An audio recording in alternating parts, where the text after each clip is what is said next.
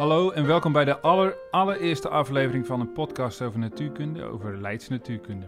Ik ben Bruno van Waaienburg en vandaag praat ik met Dirk van Delft, die samen met Frits Berends een biografie schreef van Hendrik Anton Lorentz. Ze hebben het hier in Leiden vaak over de gouden eeuw van de Leidse natuurkunde aan het begin van de 20e eeuw. En Lorentz was daarin een sleutelfiguur. Hij was slim, kon goed uitleggen, kende iedereen en was ook een goede vriend en een soort vaderfiguur voor Albert Einstein. Het boek Lorentz, gevierd fysicus, geboren verzoener, verschijnt op 25 oktober. Dirk van Delft is bijzonder hoogleraar materieel erfgoed van de natuurwetenschappen aan de Leidse Universiteit. Hij was de directeur van het Boerhavenmuseum en hij promoveerde op een biografie van Heike Kamerling-Onnes. Maar ik ken hem vooral als de chef wetenschap van NRC Handelsblad, waar hij onwaarschijnlijk snel schreef. Dirk, je bent begin 2018 begonnen met schrijven en nu ligt er een boek van 726 bladzijden. Hoe hebben jullie twee dat uh, voor elkaar gekregen? Nou ja, om te beginnen ben ik niet begin uh, 2018 begonnen, maar in april. Want ik, toen ging ik bij Boerhaven met pensioen. En daarna ben ik pas begonnen eigenlijk met Frits. Maar daarvoor hadden we wel afgesproken om het samen te doen. En uh, dat, ging eigenlijk als volgt. Op de diers van de Universiteit Leiden, 8 februari 2018. Toen stapte Carlo Beenakker en Wim van Saarloos, die stapten op mij toe. En die zeiden, ja, Frits is bezig met Lorenz. Maar ja, als we dat boek een beetje vaart willen geven, waarom bemoei jij er niet tegenaan? Dan is het boek toch gewoon sneller. Ik zei, ja, oké, als Frits het ook goed vindt, dan is met Frits overlegd. Die was akkoord. Hebben we afgesproken, oké, ik schrijf het boek, ik hou de pen vast, maar we maken het samen. En Frits uh, was sinds zijn pensionering al heel veel met Lorenz bezig geweest. Dus had al het nodige uitgezocht. Ook dingen niet, maar een heleboel dingen ook wel. Dus we konden in die zin een soort vliegende start maken. Ja, en ik heb, uh, moet ik toch wel toegeven, spijkerhard eraan gewerkt. Ja. Ik heb uh, dus vanaf uh, april 18 tot, tot afgelopen zomer, hè, toen hebben we het ingeleverd, half augustus, het manuscript, heb ik echt spijkerhard aan het boek gewerkt. Vandaar dat het, dat het inderdaad in zo'n idioot korte tijd toch er ligt. Nou, gefeliciteerd. Lorenz is geboren in 1853 in een, eigenlijk een eenvoudig milieu in Arnhem, ja. een provinciestad.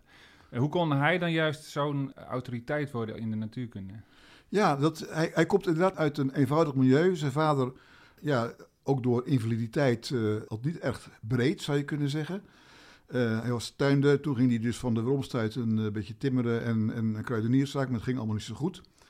Lorenz ging naar de HBS, hij kon hartstikke goed leren, dat, dat bleek al vroeg. En hij heeft ook hele goede mensen om zich heen gehad die hem ook stimuleerden om dat te gaan doen, door te leren. Meester Timmer heeft hij ook diverse keren zelf ook genoemd. Dat was een hele actieve man in het Arnhemse intellectuele leven, in een soort genootschap. Daar had hij uh, op, de, op de basisschool, zou je tegenwoordig zeggen, uh, heel veel baat bij. En de HBS was toen net begonnen in zijn tijd. Hij deed een soort toelatingsexamen en kon die direct in de derde klas al beginnen. Dus hij kon een klas overslaan. Wat is de HBS? Sorry, de HBS, ja, dat is nu helemaal uitgestorven. Maar dat was in 1863 onder aanvoering van Torbekke ingesteld, de Hogere Burgerschool. Kwam naast het gymnasium te staan, zou je kunnen zeggen. Eigenlijk onder het gymnasium, want je kon niet rechtstreeks naar de universiteit. Je moest nog een soort toelatingsexamen doen. Ja, en dat heeft dus Loris ook, uh, ook moeten doen. En andere als Kamerlingonnes uh, en Zeeman en zo hebben ook allemaal dat, uh, dat moeten doen. Maar Lorenz op die HBS, hij had een fantastisch geheugen. Hij blonk in alle vakken uit. Als de medeleerlingen er niet uitkwamen, vroegen ze het aan Lorenz. Sterker, als de docenten er niet uitkwamen, vroegen ze het aan Lorenz. En aan het eind van HBS kwam dus de directeur. Die stapte op vader Lorenz toe. Meneer Modderman was dat, de directeur. Van die jongen moet gewoon doorleren. En daar was eigenlijk die vader helemaal niet zo van overtuigd. Dat vond hij maar een beetje overdreven en niet passen bij de stand of wat dan ook. Dus daar is eigenlijk aan te danken dat, dat Lorenz dus naar de universiteit is, uh, is gegaan. En het aparte is dan, want Utrecht lag natuurlijk veel dichterbij dan, ja. dan Leiden. Dus waarom kies je dan voor Leiden? Nou, op die HBS had hij een natuurkundeleraar van de stad. Die was in Leiden gepromoveerd. En uh, ja, Keizer zat ook in Leiden, de directeur van de Sterrenwacht. En Lorenz won af en toe een prijs, eh, omdat hij de beste van de klas was. En ook boeken van Keizer gekregen. En ja, daar was hij helemaal door aangestoken. Uh, dus hij wilde echt van die man ook college krijgen. Dat komt in Leiden en dat is dus de reden geweest dat Lorenz dus in Leiden is gaan studeren. Keizer was de astronoom hier in Ja. Leiden die, uh, Ja. van het observatorium. Pieter Jan Keizer, ja. maar hij kwam uit een, eigenlijk een arm gezin, begreep ik. eh. Ja, nou ja, arm is misschien niet eh, overdreven, maar absoluut niet bemiddeld of zo. Eh, Er wordt wel gezegd in biografische schetsen die je natuurlijk tegenkomt eh, van Lorenz, eh, dat, dat het een zoon van een welgestelde tuinder was. Nou, dat hebben Frits Berends en ik toch wel eh, een beetje kunnen ontkrachten. Dat, dat was, zo welgesteld was dat niet. En, en toen ging het eigenlijk in vliegende vaart door? Of, of- Ja, nou ja, opmerkelijk is natuurlijk dat hij eh, na, eh, na zijn kandidaat, wat hij dus een sneltreinvaart heeft gehaald, hè, in, in, in een krap anderhalf jaar of een jaar en een paar maanden, toen is hij dus teruggegaan naar Arnhem.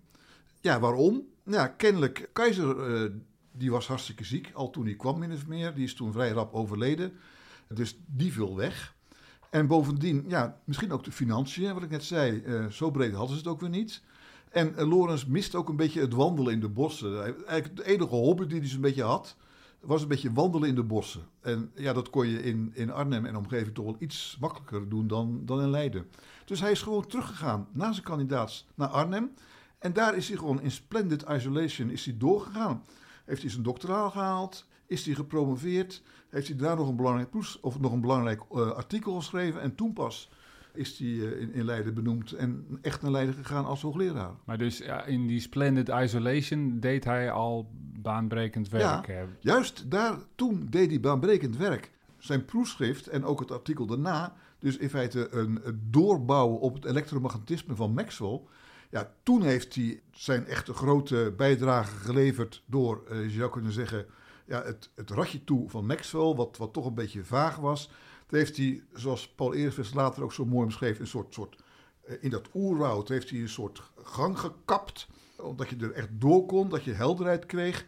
En een van zijn belangrijkste inzichten was om dus de ether, de, laten zeggen, de drager van, van de elektromagnetische golven zou je kunnen zeggen. Het woord ether, hè, we zijn in de ether, komt daar nog steeds vandaan. Eh, om die ether helemaal te scheiden van de materie. Terwijl bij Maxwell dat nog een beetje een rommeltje was. Voortbouwend op Maxwell en Ja. Helmholtz ook. Ja. Waar, waar, waar ging dat over? Nou, dat ging dus over het elektromagnetisme en eh, ja, dan dus verschijnselen als lichtbreking en lichtbuiging en eh, terugkaatsing van licht. Hoe je dat in dat elektromagnetisme kon verklaren en hoe de ether dan zo'n beetje eruit zag, wat, die, wat voor eigenschappen die had. Want, En- want het was toen al duidelijk dat licht iets met elektromagnetisme te maken Ja, had. dat, dat heeft Maxwell in feite al, al uitgevonden. Maxwell heeft eh, eh, in principe heeft Hertz eh, voor het eerst elektromagnetische golven opgewekt en aangetoond. Eh, radiogolven waren dat. Eh, Maxwell had op een gegeven moment in de gaten dat een trillende lading dus elektromagnetische golven uitzendt. Die bleken met de lichtsnelheid te gaan. Dus die sprak toen het vermoeden uit van ja, dat is niet toevallig.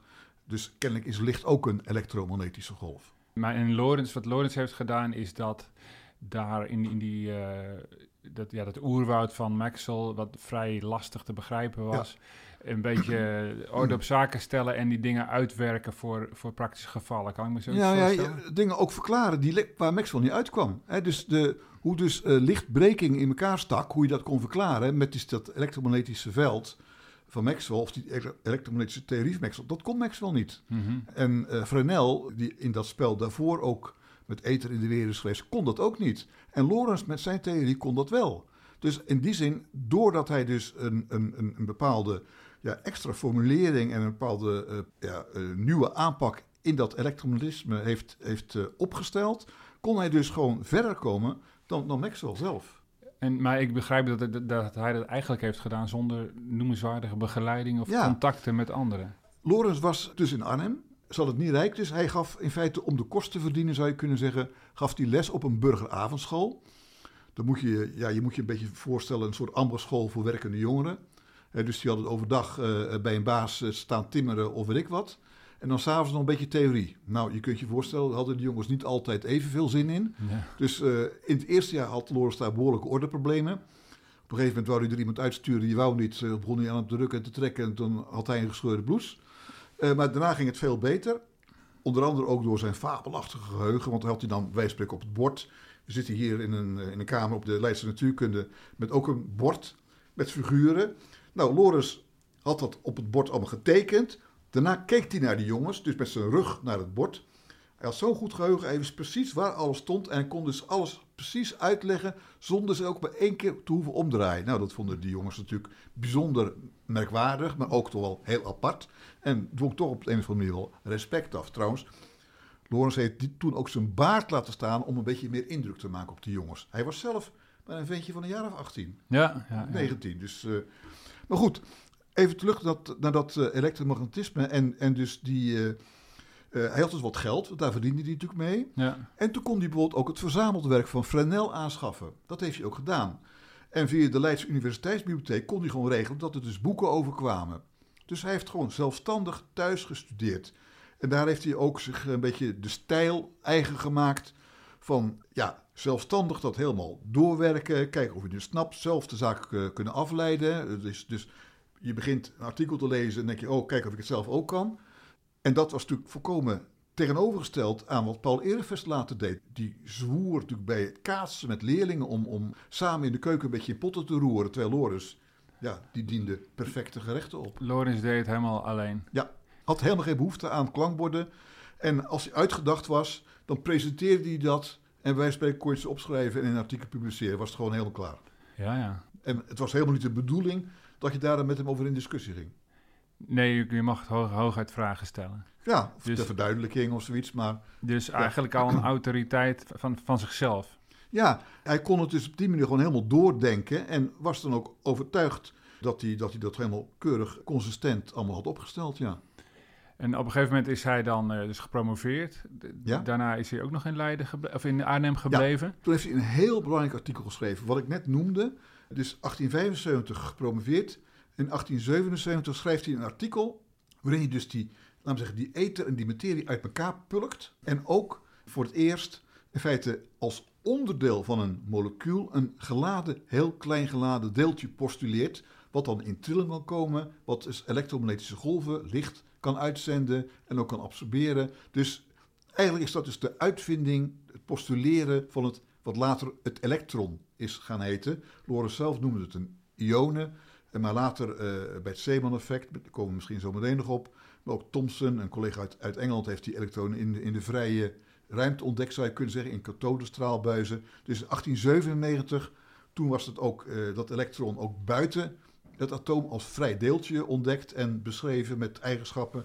En toen was in feite de ontdekking van het elektron min of meer een beetje rond. Maar Lorenz heeft het dus als eerste gepostuleerd als een onderdeel, geladen klein deeltje, onderdeel van het atoom, van Ja. het molecuul. Ik las dat, dat het bestaan überhaupt van atomen in die tijd nog helemaal geen uitgemaakte zaak was. Nee, allerlei mensen in Duitsland ook, je had hele, hele energetische theorieën enzovoorts, die geloofden helemaal niet in atomen. Die vonden het hoogstens een hypothetische constructie waar je misschien voor de aardigheid wat dingen mee kon, eh modelmatig kon doen, maar werkelijkheidswaarde had het dus niet. Dus het, het hele bestaan van atomen, ja, dat, dat is eigenlijk met Van der Waals natuurlijk in Nederland echt begonnen, zou je kunnen zeggen. Het proefschrift van Van der Waals uit 1873 gaat er ook over, is helemaal gebouwd op het bestaan van atomen, zou je kunnen zeggen. En ja, dus Loris die, die bouwde daar ook voor een deel op voort. Hij geloofde er wel vast Ja, in. Ja. ja. Toen heeft hij dus dan een, een briljant artikel eh in proefschrift geschreven. Ja. Toen, Dus, dus na dat proefschrift, dat belangrijke artikel, wat dus ook aangeboden is in de academie, met dus die, eh, eh, ja, die scheiding, ook een verklaring van, van breking, van refractie. Dat was ook nieuw, dat kon ook geen enkele andere theorie tot dan. En om dat te doen, had hij dus dat postulaat nodig van een klein geladen deeltje onderdeel te laten zijn van een molecuul. ja. 1877. En toen begon iedereen aan te trekken. Nou, het grappige is dat zo'n artikel, dat, eh, dat wordt aangeboden aan de academie, dat doet dan je promotor, althans iemand die aan de academie zit. Mhm. Dus Rijke, die bood dat aan in de academie van Rijk- wetenschappen in Amsterdam in het Trippenhuis. Rijke was, zijn Rijke was de promotor van Lorenz, hoogleraar natuurkunde in Leiden tot eh, 1882. En ehm, dus daar is Lorenz ook bij gepromoveerd. En eh, was ook zijn begeleider, al wel in de praktijk. Je kunt afvragen of Rijke dat echt wel kon volgen, wat Lorenz allemaal deed. Maar hoe dan ook, Rijke biedt dat artikel van Lorenz aan in 1877 in de academie. Nou, wat gebeurt er dan? Dan komt er een commissie van drie heren uit die academie die dan dat artikel gaat beoordelen. De volgende vergadering komen ze met een rapportje. Het is prachtig of het is niks. Nou, in dit geval was het prachtig. En in dat commissietje, is dat van de Waals, maar ook Grinwis. En Grinwis was de hoogleraar in Utrecht. En in Utrecht zochten ze eigenlijk een theoreet, een mathematisch fysicus, om daar in feite een hoogleraarspositie in te gaan nemen. En toen die Grinwis dus dat stuk van Lorenz zag, wat toch helemaal niet gepubliceerd was, wat alleen maar was aangeboden, toen dacht hij, nou, dat is een krienventje, die willen we wel hebben. Dus die is toen eigenlijk achter de rug van anderen om gaan polsen van wat, wat, wat voor vlees in de kuip had. En toen was het dus een race tussen Leiden, die Lorenz graag wou hebben, en Utrecht. En dat is eigenlijk pas uh, op het laatste moment door de minister uh, ten faveur van Leiden beslist. Maar het was echt een dubbeltje op zijn kant. Want als je die archieven in Den Haag, in het Rijksarchief, Nationaal Archief, hebben ze natuurlijk gewoon ja, de stukken van dat soort benoemingsprocedures bewaard. En dan kun je precies volgen dat, ja, dat het echt een dubbeltje op zijn kant is geweest. Ja, ja. Dus de minister ging toen nog over de hoogleraren. Ja. Je had natuurlijk een commissie, curatoren deden een voordracht. Uit de faculteit kwam er een voordracht aan de, aan de curatoren. En op die manier kwam het bij de minister. En de minister hakte dan de knoop door. Ja, en maar academisch getouwtrek was er toen ook al. Zeker. En uh, uh, in geval van, van, van Einstein later ook, uh, had je ook academisch getouwtrek en het uitspelen van de ene universiteit tegen de ander om er beter van te worden. Dus zeggen van, ja, ik heb ook een aanbieding van B. Dus als A nou mij wil hebben, moeten ze natuurlijk wel met een goede aanbieding komen. Dat, was, dat was, was dat van toepassing op Lorenz? Of, op Lorenz uh, niet zozeer, nee. Lorenz heeft, uh, is wel een aantal keren benaderd om hoogleraar elders te worden. Heeft hij altijd afgewezen tot opvolging uh, tot Röntgen. die zat in München, in 1905 was het geloof ik. Naar Leiden kwam om Lorenz te polsen of hij dat... En toen heeft Lorenz gezegd van, ja, dat is eigenlijk best wel aantrekkelijk. En toen was natuurlijk in Leiden paniek. En Lorenz heeft toen in de faculteitsvergadering gezegd... oké, ik wil wel blijven, maar dan moet ik echt van die zware onderwijslast, want hij gaf dus college aan ja, de eerste jaar, zou je kunnen zeggen. Dat waren dus studenten geneeskunde. Uh, die hadden dus als een soort voorbereidend jaar voor de echte studie een jaar uh, wiskunde natuurkunde. En maar daarnaast dus gewoon eigenlijk maar een paar echte studenten uit de echte faculteit, zou je kunnen zeggen. Maar al die practica er ook bij. Hij had dus eigenlijk een uurtje of vijftien minstens alleen al aan die geneeskundestudenten college en practica dat hij kwijt was. Naast nog de andere colleges voor de gevorderden, om het zo te zeggen. Nou, dat heeft hij jaren en jaren gedaan. En dat was hij op een gegeven moment echt zat. Ja, het viel mij op dat uh, de hoogleraren van toen nog veel meer leraar waren dan... dan want ze maakten echt heel serieuze uh, onderwijs... Uh, uren. En je werd ook ja, vooral als leraar aangezocht. En dan mocht je er nog wat onderzoek bij doen. Onderzoek was echt de tweede plaats. Dat was bij Lorenzo, maar bij Kamerlijk Onders, zijn collega en leider, was het natuurlijk net zo goed. Als Kamerlijk Onders iets gedaan wilde krijgen, dan trok hij altijd de onderwijskaart. Van ik heb een fantastische magneet nodig en die en dat, want dan kan ik goed onderwijs en magnetisme geven. Ja, ja, ja. Dat is nu natuurlijk eh, dat is nu helemaal eh, omgekeerd in de wetenschap. Ja, ja, nu heb je natuurlijk ook dat onderwijs belangrijk is. Maar uh, vaak is natuurlijk uh, qua status uh, bij een wetenschapper natuurlijk het onderzoek het belangrijkste. Dat was misschien toen ook wel zo hoor. Maar in elk geval, bij het ministerie was echt onderwijs voorop. En onderzoek, ja, dat kwam er dan bij. Ja. Nou, nou kwam Lorenz naar, naar Leiden dus uiteindelijk, naar ja. het getouwtrek. Hij kwam ja. op de Hooigracht wonen. Nou ja, hij ging eerst op kamers wonen, boven een sigarenmagazijn op het eind van de Haarlemmerstraat. Nou, dan liep hij dan na college daar bij Koch, tegenwoordig uh, bij uh, het Kamer Vroeger het Kamer Laboratorium en daarvoor het Natuurkundig Laboratorium. Nou, wandelde hij gewoon langs de Drapenburg dus, dus terug. Al vrij rap had hij dus een kamer op het Drapenburg. En toen is hij dus op een gegeven moment getrouwd met uh, Aletta Keizer. Dat is een nichtje van, van dus de sterrenkundige, zou je kunnen zeggen. Ja, toen heeft hij dus eerst een huis gekocht op de Hooigracht naast de verfwinkel die er nog steeds is. Oh ja. En een jaar of twee daarna heeft hij een huis gekocht op nummer 48 tegenover de Groenesteeg. Dat is dus, laten we zeggen, denk 100 meter links van het eerste huis.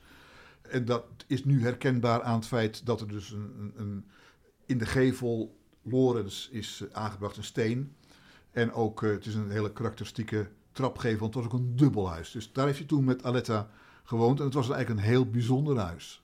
Want in, eh, even verderop in de Hooigracht zien we ook eh, die schildering van de muurformules, um, de Lorenzkracht. Ja, dat, is niet dus toevallig dat hij ja, daar staat. Ja, dat is tegenover het huis waar hij dus heel lang gewoond heeft in zijn Leidse jaren.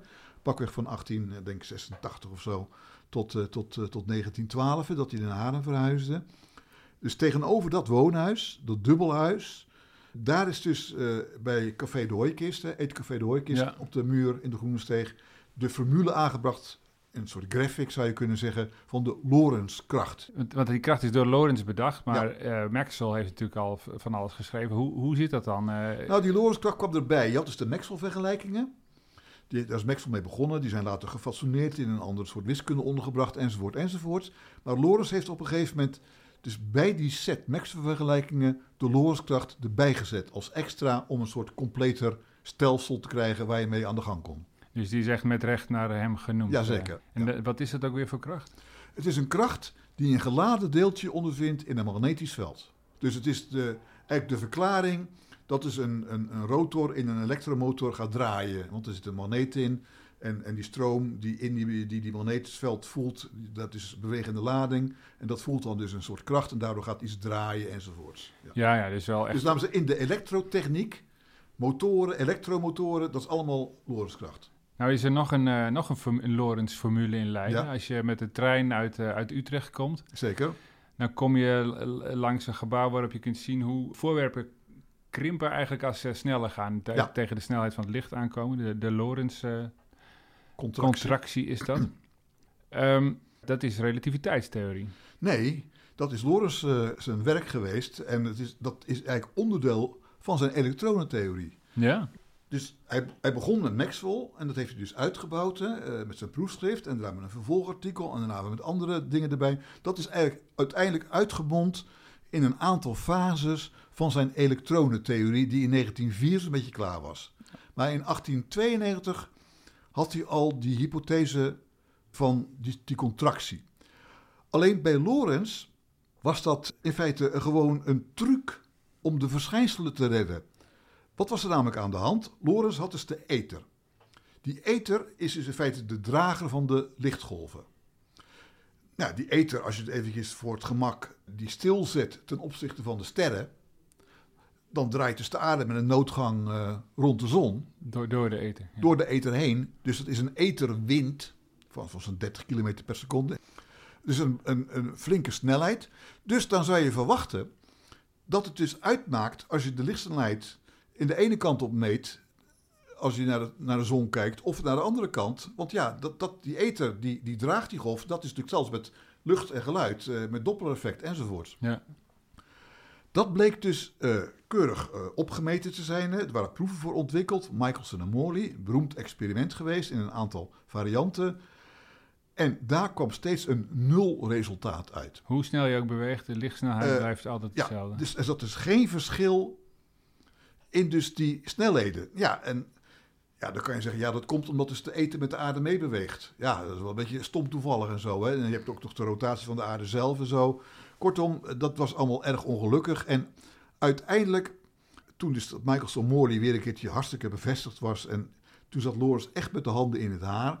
Toen schreef hij ook een brief aan een collega in Engeland, uh, Jeans. Ja, hoe komen we hier nou in vredesnaam uit? Mijn trucendoos is echt, echt leeg, bij spreken. Was niet waar. Want toen heeft hij een truc op bedacht. Hij heeft namelijk bedacht dat als nou de voorwerpen bij hoge snelheid krimpen, dat dan in feite dat effect, dat ze dus eigenlijk de lichtsnelheid anders zou moeten zijn, compenseren. Omdat die latten anders zijn. Ja, ja. En je zou dus kunnen zeggen, het nulresultaat van Michelson-Morley, dus het feit dat de lichtsnelheid dus niet varieerde afhankelijk van hoe het door die ether liep, ja, dat is dus door Lorentz eigenlijk ja, uit armoe altijd helemaal niet, zat helemaal niet op te wachten op, dat, op, dat, op die uitkomst. Maar toen dat er gewoon keihard experimenteel lag, had hij dus een groot probleem. En toen heeft hij dus gewoon gezegd: Oké, hoe komen we hieruit? Nou, met dit uiterst merkwaardige idee kunnen we de boel redden. En ja, dan gaan we maar ervan uit dat dat gewoon klopt. En is hij daarna ook nog een beetje gaan bedenken van dat ook ja, de moleculenafstanden. Dus, dus het was voor hem echt een soort, soort reëel effect. Ja, ja, ja. ja, maar het was een noodgreep. Het was een noodgreep. Lorenz zou je kunnen vergelijken met een soort instrumentmaker. Die dus gewoon in zijn, in zijn instrumentmakerij eh, naar de verschijnselen kijkt en daar een mooie theorie bij bedenkt. En komt er dan een nieuw effect, omdat er dus betere instrumenten komen die het nauwkeuriger kunnen bepalen of wat dan ook. Dan komt er opeens een afwijking tevoorschijn die er eerst niet was. En Lorentz' theorie die voorzag daar dan niet in. Dan ging Lorentz dus aan die theorie sleutelen om hem dusdanig aan te passen dat het weer klopte met de experimenten. Hij was echt iemand ja, die... die uh... Pragmatisch. Ja, ja. ja. Dat is dus Lorentz' aanpak geweest. Fitzgerald had trouwens een vergelijkbaar idee gehad. Daar kwam later achter. Daar heeft hij ook verder uh, ook de credits voor gegeven in latere publicaties. Maar laten we zeggen, zijn idee van dus die contractie leidde ook dus op een gegeven moment tot die Lorentz-transformaties. Mm -hmm. uh, en ja, toen kwam op een gegeven moment uh, in 1905 Einstein. En die begon andersom. Die was dus niet een pragmaticus die vanuit de, vanuit de waarnemingen en de verschijnselen gewoon, uh, oké, okay, dan repareren we dit en dan doen we het zo en dan klopt het toch. Einstein begon top-down. Die zei gewoon, ik postuleer gewoon dat die lichtsnelheid constant blijft. En van daaruit doorredenerende kwam die eigenlijk op dezelfde Lorentz-transformaties uit. Ja, maar dan is het meer een eigenschap van de ruimte en de tijd. Is het een artefact van, van, van, de, van de waarneemprocedures. Ja, maar ook een soort een integraal onderdeel van Einsteins theorie. Ja. En je ziet dan uh, natuurlijk ook het verschil tussen Lorentz en Einstein. Terwijl Lorentz dus bottom-up repareert, is Einstein top-down bezig met grote grepen, grote postulaten uh, de natuur naar zijn hand te zetten. In die zin was dus Einstein ja, een, een gedurfder fysicus. Die durfde, had dus het lef om dat soort dingen gewoon top-down ja, op te leggen. Want, want Einstein, Einstein gooide ook min of meer de ether overboord. Ja. Dat was helemaal niet nodig. Ja. Lorentz die kon daar niet, eigenlijk niet in meegaan, begreep ik. Nou, hij, hij wou er niet in meegaan. Hij was gehecht en, en Lorentz' wetenschapsopvatting was dus niet dat er een of andere waarheid bestaat die je moet ontdekken en dat is het dan. Nee, dat pragmatische nog eens een keer. Lorentz, je hebt een aantal verschijnselen, daar bedenk je een theorie bij die dat keurig verklaren, nog een beetje voorspellen ook, dat is mooi meegenomen enzovoorts. Zo werkt de fysicus. Mm. En waarom zou er nou maar één verklaring zijn? Het kan best zijn dat er meerdere verklaringen zijn van een verschijnsel linksom of rechtsom die op hetzelfde uitkomen. En als dan de ene verklaring veel ingewikkelder is met veel meer veronderstellingen en wat dan ook, ja, dan kies je Dan natuurlijk gooi voor die overboord. Ja. Dat is het, het scheermes van Occam, zoals het al zo mooi heet. Hè? Dat, je kiest dan degene met de minste hypotheses. Maar als je twee verklaringen hebt die alle twee op hetzelfde uitkomen en naast elkaar echt niet eh, voor elkaar zwaar onderdoen of zoiets, nou kan dat goed. Dus Lorentz heeft nooit in stand gestaan dat, dat zijn etherbenadering door Einstein was weggevaagd.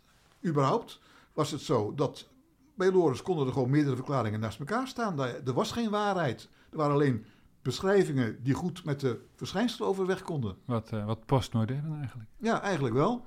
Ja. Het hele, het, in die zin, laten we zeggen, is, verschilt Lorenz dus hemelsbreed van de generatie voor hem. Ja, die echt nog waarheidszoekers waren. Die, we zijn als wetenschapper op zoek naar de waarheid. En het ware is het goede en zo. Dat soort, eh, dat was bij Lorenz totaal afwezig, dat soort redeneringen. Maar Einstein heeft, heeft het dan ja, uit een andere benadering Ja. eh, opgelost. En, en dat heeft natuurlijk geleid tot de twee relativiteitstheorieën die, Ja. ja, die, die een, een enorme revolutie eh, eigenlijk betekenen in de Zeker, natuurkunde. ja.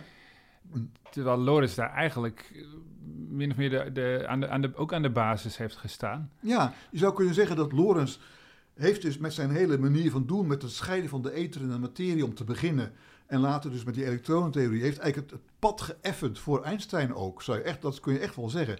Je moet niet zonder meer zeggen van dat, dat Einstein op Lorenz voortbouwt of zo. Ik Denk dat, dat, dat is denk ik niet de goede formulering, maar dat Lorenz op de een of andere manier de weg heeft gebaand voor Einstein, dat is wel duidelijk. En dat heeft Einstein bij diverse gelegenheden later ook, ook heel duidelijk gezegd. Dat is eh, dat dankzij Lorenz hij dus met die relativiteitstheorie ook aan de gang kon. Ja, want hoe was hun, eh, hun verhouding? Nou, Die was fantastisch. En het, het bijzondere was ook, en dat zeiden ze alle twee ook tegen elkaar, ja, dat ze niet alleen qua fysica goed met elkaar overweg konden en, en, en, en dus respect voor elkaar hadden, maar ook buiten de fysica. Dus hoe ze tegen maatschappelijke zaken aankeken. Eh, De oorlog had je natuurlijk toen op een gegeven moment van 14 tot 18 en, en daarna dus de verzoening enzovoorts.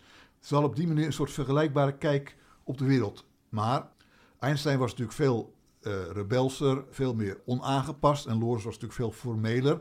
Dus terwijl Lorenz altijd eh, eh, netjes bleef en keurig beleefd eh, eh, mensen vroeg van... kunnen jullie nou eens een keertje ophouden met elkaar de forketter uit te maken, bij wijze van spreken... was natuurlijk ja, Einstein toch veel met een type die ook op een gegeven moment gewoon zei: jongens, ik wil hier niks mee te maken hebben. Of ik, ik teken die petitie of die petitie. Uh, en ja, die was dus eigenlijk in die zin veel, veel principiëler. Uh, in de zin van dat hij, uh, dat hij gewoon veel meer een pacifist was. En daar ook echt met compromissen niks te maken wilde hebben. En Lorenz was in die zin veel diplomatieker. Ja, ja want gaandeweg kreeg Lorenz ook steeds meer. Hm. Ja, functies in commissies. En, en hij werd echt ja. een, een, een, iemand die ja, een, een gezaghebbend iemand op allerlei gebieden. Ja, dat vloeit voort uit zijn Solve-bemoeienis, zou je kunnen zeggen.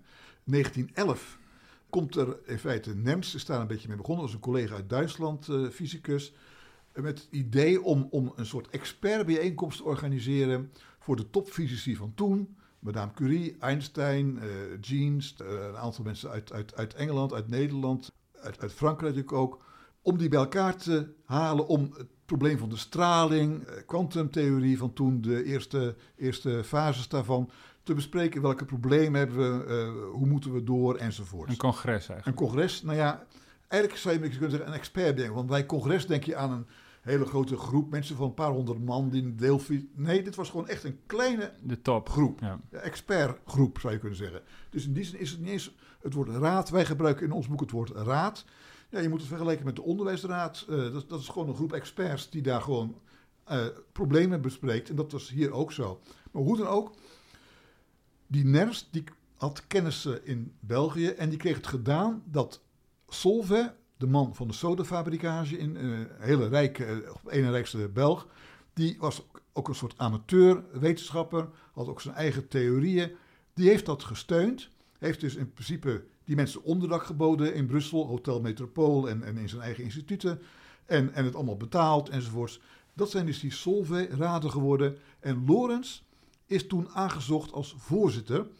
En voor de latere Solvay-raden ook, uh, in 1913, toen kwam de oorlog, en ook nog een paar na de oorlog. Vijf in totaal, steeds voorzitter. Waarom? Het was een ongelooflijk aardige diplomatieke man. Hij sprak zijn talen. Hij was hartstikke slim. Dus als er een een of andere Duitser ja, niet goed uit zijn woorden kwam en, en, en die Britten überhaupt al uh, zaten te denken, wat, wat gebeurt hier, want de taal...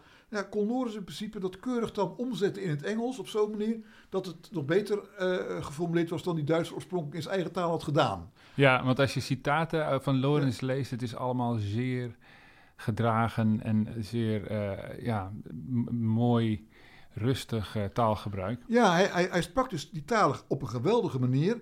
Als hij lezingen gaf in Duitsland of in Frankrijk, nou, ze stonden echt paf van hoe goed hij die talen beheerste. En uh, ja, hij was in die zin natuurlijk gewoon de man om dat allemaal aan elkaar te knopen en dat goed in goede banen te leiden. Dus dat was uh, dus eigenlijk zijn doorbraak, zou je kunnen zeggen.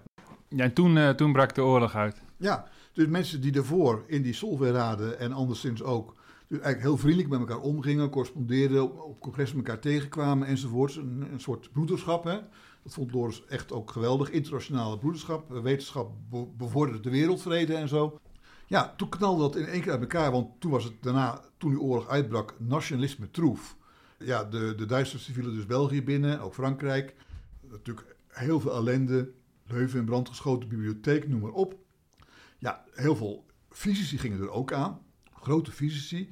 Als ja, die, een paar mensen die in, in, in Leiden nog bij Kamer Onnes uh, een postdoc hadden gedaan.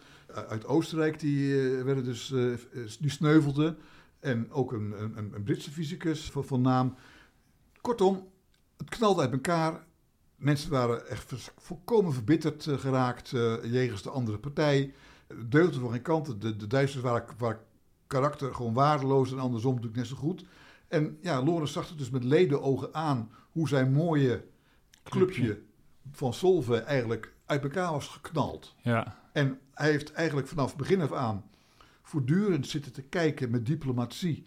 Met verzoenende brieven naar de ene en naar de andere. Met documenten opsturen om toch uh, wilde beweringen van de ene partij een beetje te ontkrachten. Of een beetje toch van, van, van context te voorzien. Zodat het allemaal toch een beetje wat meer volgens de werkelijkheid uh, kwam te liggen. Ja, dat heeft hij dus eigenlijk de hele oorlog gedaan en daarna ook. Want dat was daarna absoluut nog niet afgelopen. Dat heeft heel lang geduurd voordat het uh, qua verhoudingen weer een klein beetje is genormaliseerd. Sterker, dat heeft Lorenz niet meer meegemaakt.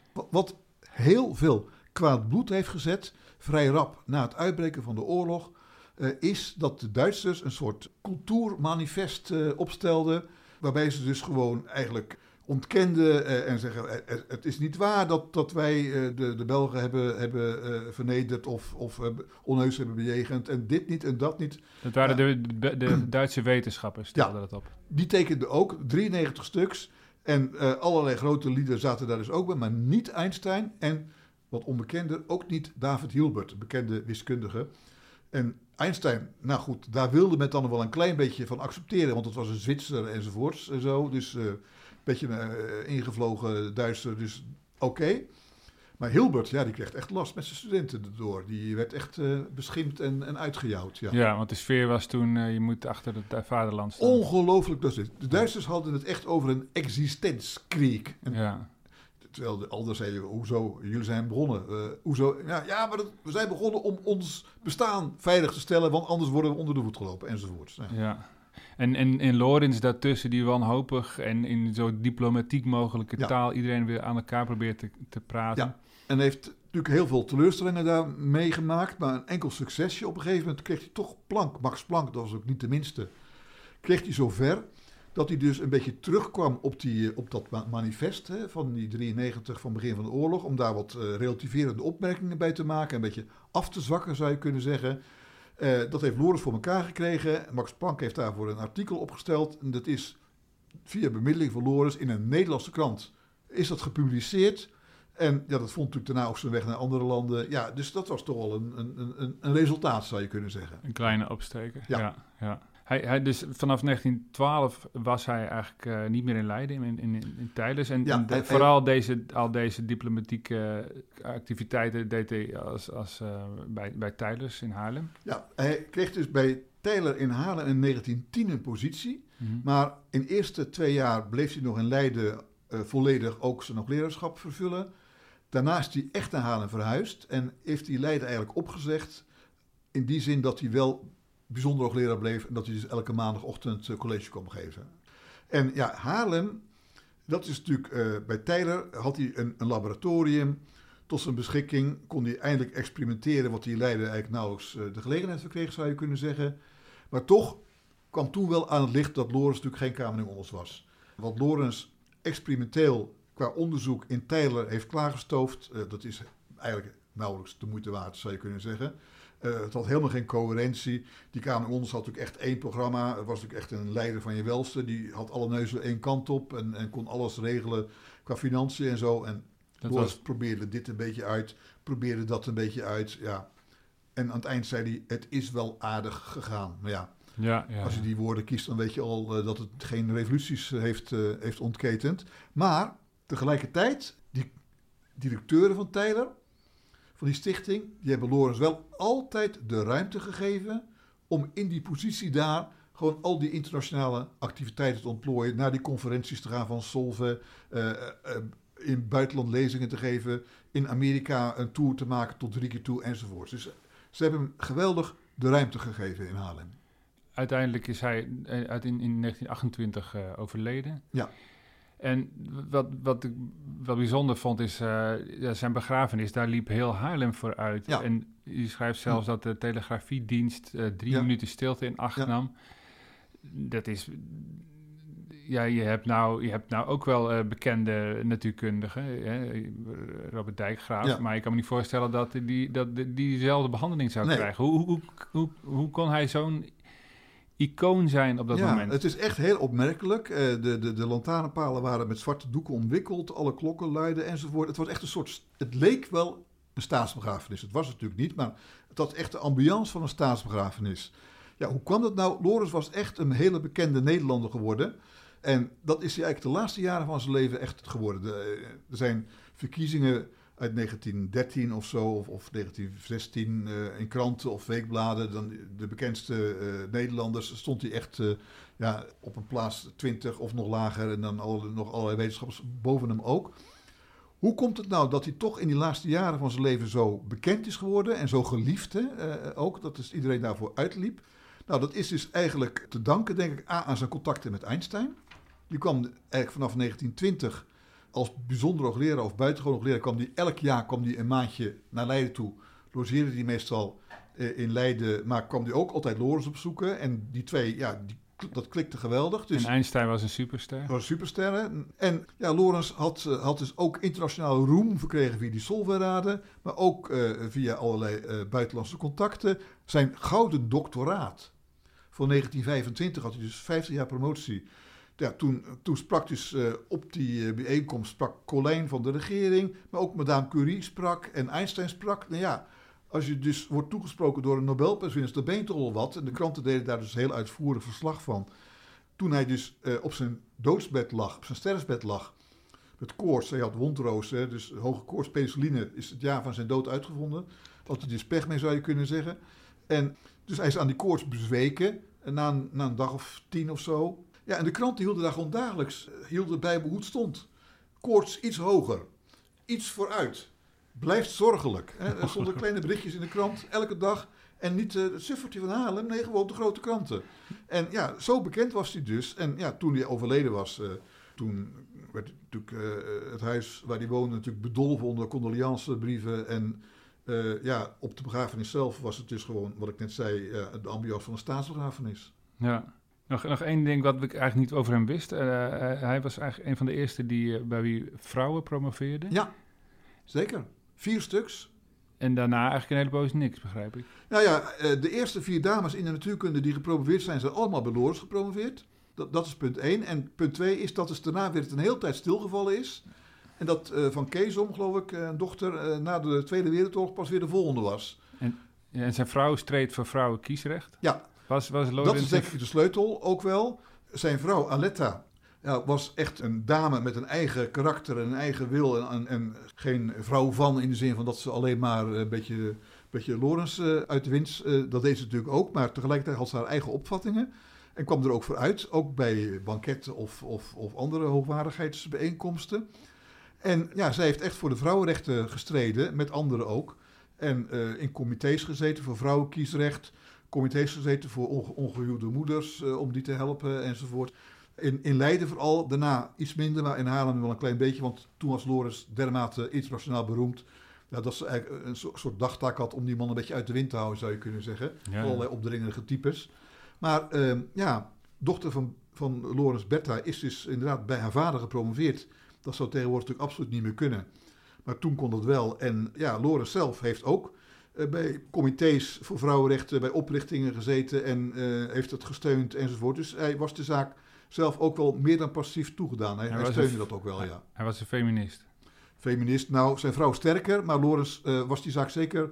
Had hij had hij ook een warme, warme belangstelling en een, ja, was het ook wel mee, mee eens, zeker. Ja. ja. Lorenz was, was dus altijd, altijd diplomatiek, ja. altijd strak in de plooi aardig, ja. kon goed uitleggen, ja. gevoel voor humor. Ja. Scho schoot, van positieve eigenschappen. Schoot nooit eens uit zijn slof. Is er, is er nou helemaal hij, hij, was dus uh, voor vrouwenrechten uh, altijd bij één vrouw gebleven. Is er nou helemaal niks... Um, um, was hij nou dus boos, chagrijnig, narrig? Heeft hij nooit nou, zijn rotstreek uitgehaald? Hij was wel eens boos en natuurlijk uh, toen hij een keer een, een, een, soort aansluiting van Nederland bij de Internationale Unie van Fysici... die werd toen door de Natuurkundevereniging weggestemd. Ja, daar was hij toch echt pissig over... Uh, maar toen zegt hij dan, ik kwam dus enigszins in mijn wiek geschoten thuis. Nou, dat betekent dan dat hij woedend was, bij wijze van spreken, in zijn taalgebruik. Als je zegt van, zit er een krasje op Loris? Ja, zeker zitten er krasjes op Loris. Het, wat wij echt hebben ontdekt als nieuw, is dat Loris qua geld, financiën, toch, uh, toch duidelijk wel een, een, een, een uh, ja, op de penning was. En dat zie je onder andere aan het feit dat op een gegeven moment Solve is overleden. De, Lorenz was heel goed met die familie. Op een gegeven moment krijgen zowel Kamer en Onnes als Lorenz krijgen een flink bedrag om, ja, voor de fysica. Kamer Onnes steekt dat in postdocs. Die had dus een hele fabriek draaien daar natuurlijk met allerlei andere subsidies ook. Lorenz koopt daar gewoon aandelen voor bij een aan Solvay verwant bedrijf in België. En als je dan in het archief kijkt, na zijn dood wordt het testament, of weet dat, wordt de, wordt de zaak dus door de notaris, wordt de hele inventaris, de inboedel natuurlijk keurig opgemaakt. Dan zie je die aandelen gewoon terugkomen. Dus die heeft helemaal niet geïnvesteerd in theoretische fysica. Maar op, gewoon op zijn eigen uh, rekening staat dat. Maar dat had gemoeten. Nou ja, dat had natuurlijk wel gekund ook. Hè. Gemoeten is overdreven, maar toch, dat, dat had je natuurlijk ook kunnen doen. En een andere zaak, Bij zijn gouden doctoraat is het initiatief genomen door een comité, sorry, Kamer Onnes en Fokker en Zeeman, om een Lorenz Fonds op te richten. Ze hebben dus de complete wereld, collega-fysici, Amerika, Japan, overal brieven geschreven, draag bij aan het Lorenz Fonds. Dat steunt de theoretische fysica, Nederlanders naar het buitenland, buitenlanders naar Nederland. Nou, prima. Dat heeft toen eh, 140.000 gulden, een beetje zo'n miljoen euro tegenwoordig, bij elkaar gebracht. Wat zie je dan gebeuren? Er komen de statuten. Wat laat Lorenz, want eh, Fokker had eh, conceptstatuten gemaakt, die zagen er allemaal prima uit. Lorenz laat op het laatste moment daar een bepaling in opnemen dat het Lorenzfonds ook uitkeringen kan doen na zijn dood aan zijn vrouw en eventueel aan zijn kinderen. Dat is ook op grote schaal gebeurd. Aletta kreeg dus de paar jaar dat ze nog leefde gewoon hetzelfde tractement als Lorenz kreeg. Hè, voor dat bijzonder hoogleraarschap wat hij in Leiden had. Nou, dan kun je nog zeggen, oké. Maar de erfenis was zes ton aan aandelen alleen al. Dus als, dat geld was absoluut niet nodig. En de kinderen kregen ook uit dat Lorenzfonds geld om, om hun kinderen, dus de kleinkinderen van Lorenz zou je kunnen zeggen, ja, de opleiding of, of, of zo mede te bekostigen. Nou ja, die man, Leemhorst, die was burgemeester van Horen. Dat was een mooie baan. En bovendien, toen Alette overleed, is al dat geld natuurlijk ook in de familie natuurlijk ook terechtgekomen. Ja. Dus tot en met de Tweede Wereldoorlog heeft dat Lorenzfonds aan die kinderen van Lorenz geld overgemaakt. Duizenden guldens. Ja, hij- En de conclusie is dus, is dat dat Lorenzfonds met al dat geld wat bij elkaar is gebracht door fysici om de theoretische fysica vooruit te helpen, helemaal in stilte, dat is natuurlijk niemand, voor het grootste deel benut is om de familie Lorenz vooruit te helpen. aha, hij zorgde wel goed voor, eh, voor zichzelf. Ja, zijn, eh, je kunt zeggen, oké, in die tijd waren er geen sociale voorzieningen of veel Ja. minder enzovoorts. Maar toch, dit, dit is toch wel een beetje merkwaardig, ja. Maar dat mag niet de conclusie zijn. Het is gewoon alleen maar een illustratie van dat zelfs Lorenz geen heilige was. Als je over de afsluitdijk rijdt, dan Ja. kom je langs de, wat ik vaak doe, kom je langs de Lorentzsluizen. Jazeker. Dat is eh, ook een... Die zijn pas in 1952 zo genoemd. Wat bewijst dat Lorenz helemaal niet zo eh, bejubeld werd vanwege die afsluitdijk in die tijd. Het was, eh, het was een commissie, berekeningen. Ja, de afsluitdijk zelf was pas in de jaren 30 klaar, was hij al lang dood. Dus opmerking dat dat aan zijn roem heeft bijgedragen, dat waag ik wel te betwijfelen. Ook al omdat die sluizen pas in 1952 zo zijn genoemd. Maar wat wel grappig is, als het gaat om de afsluitdijk, is dat Lorenz natuurlijk ja, daar eh, bij betrokken is geraakt. Met het idee van, oké, ik zit de commissie voor, een beetje diplomatiek. eh, maar hij bleek gewoon eigenlijk de enige die het probleem aankon. Al, welk, pro- welk probleem? Het probleem van, hoe reken je uit, als je een afsluitdijk neerlegt, hoe hoog de waterstanden dan gaan worden? Hoe bepaal je dat? dat, dat de, de, de waterstaatlui die zat een beetje met natte vingerwerk, maar Lorenz wilde dat gewoon ja, op basis van een model gewoon uitrekenen. En dat heeft hij ook gedaan. Heeft hij ook gedaan. En dus hij heeft gewoon vereenvoudigd. Hij heeft dat, eh, die hele wat als een soort zwembad beschouwd met geulen en gaan rekenen enzovoort. Hij was de enige die het kon. Dus uiteindelijk heeft hij daar dus echt eh, eh, zes, zeven jaar, acht jaar wel, acht- van 1918 tot 1926 tijd aan besteed. Netto meer dan een fulltime een jaar of zo echt.